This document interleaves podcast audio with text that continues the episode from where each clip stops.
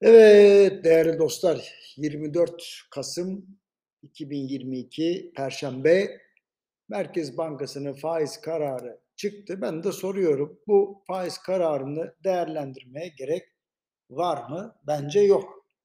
Ancak tek haneli politika faizinin faydası varmış gibi sonunda başardık diyen bir para otoritesi var.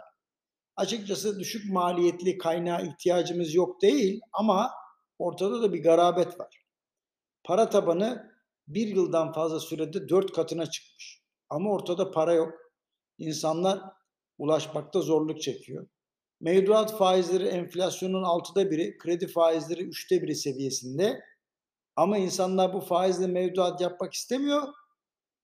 Kur korumalı mevduattan kurtulan para borsaya akıyor ya da stokçuluğa devam ediliyor. Bankalar ucuza aldıkları kaynağı hem mevzuat hem de risk değerlendirmeleri çerçevesinde kredi vermeye çekinirken satın almaya mecbur edildikleri kamu kağıtlarından zarar ediyorlar.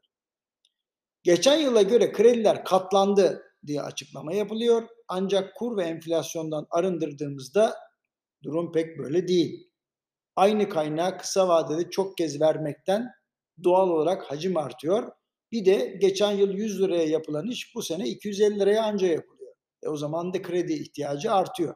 Şimdi bu durumu kredi patlaması olarak tarif etmek ne derecede mümkün? Tasarrufunuza bırakıyorum. Şimdi almayın abi demenin de faydası yok demişti ya Merkez Bankası Başkanı. Maliyeti ne olursa olsun herkes kredi arıyor. Çünkü sermaye problemi var. Kazandığınız paralarla döviz alıyorsunuz diye suçlamak da anlamsız.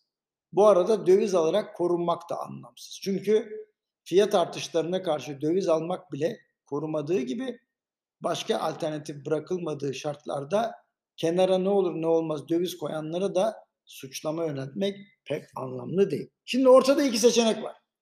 Ya eskiye döneceğiz ya da böyle devam edecek ve alışacağız. Bence eskiye hemen dönemeyiz. En azından orta vadede pek mümkün değil. Dolayısıyla şu anki şartlara alışacağız. Eskiye dönme zamanı geldiğinde ise itiraz edenler olacak. E, alışmanın da kötü tarafı bu işte.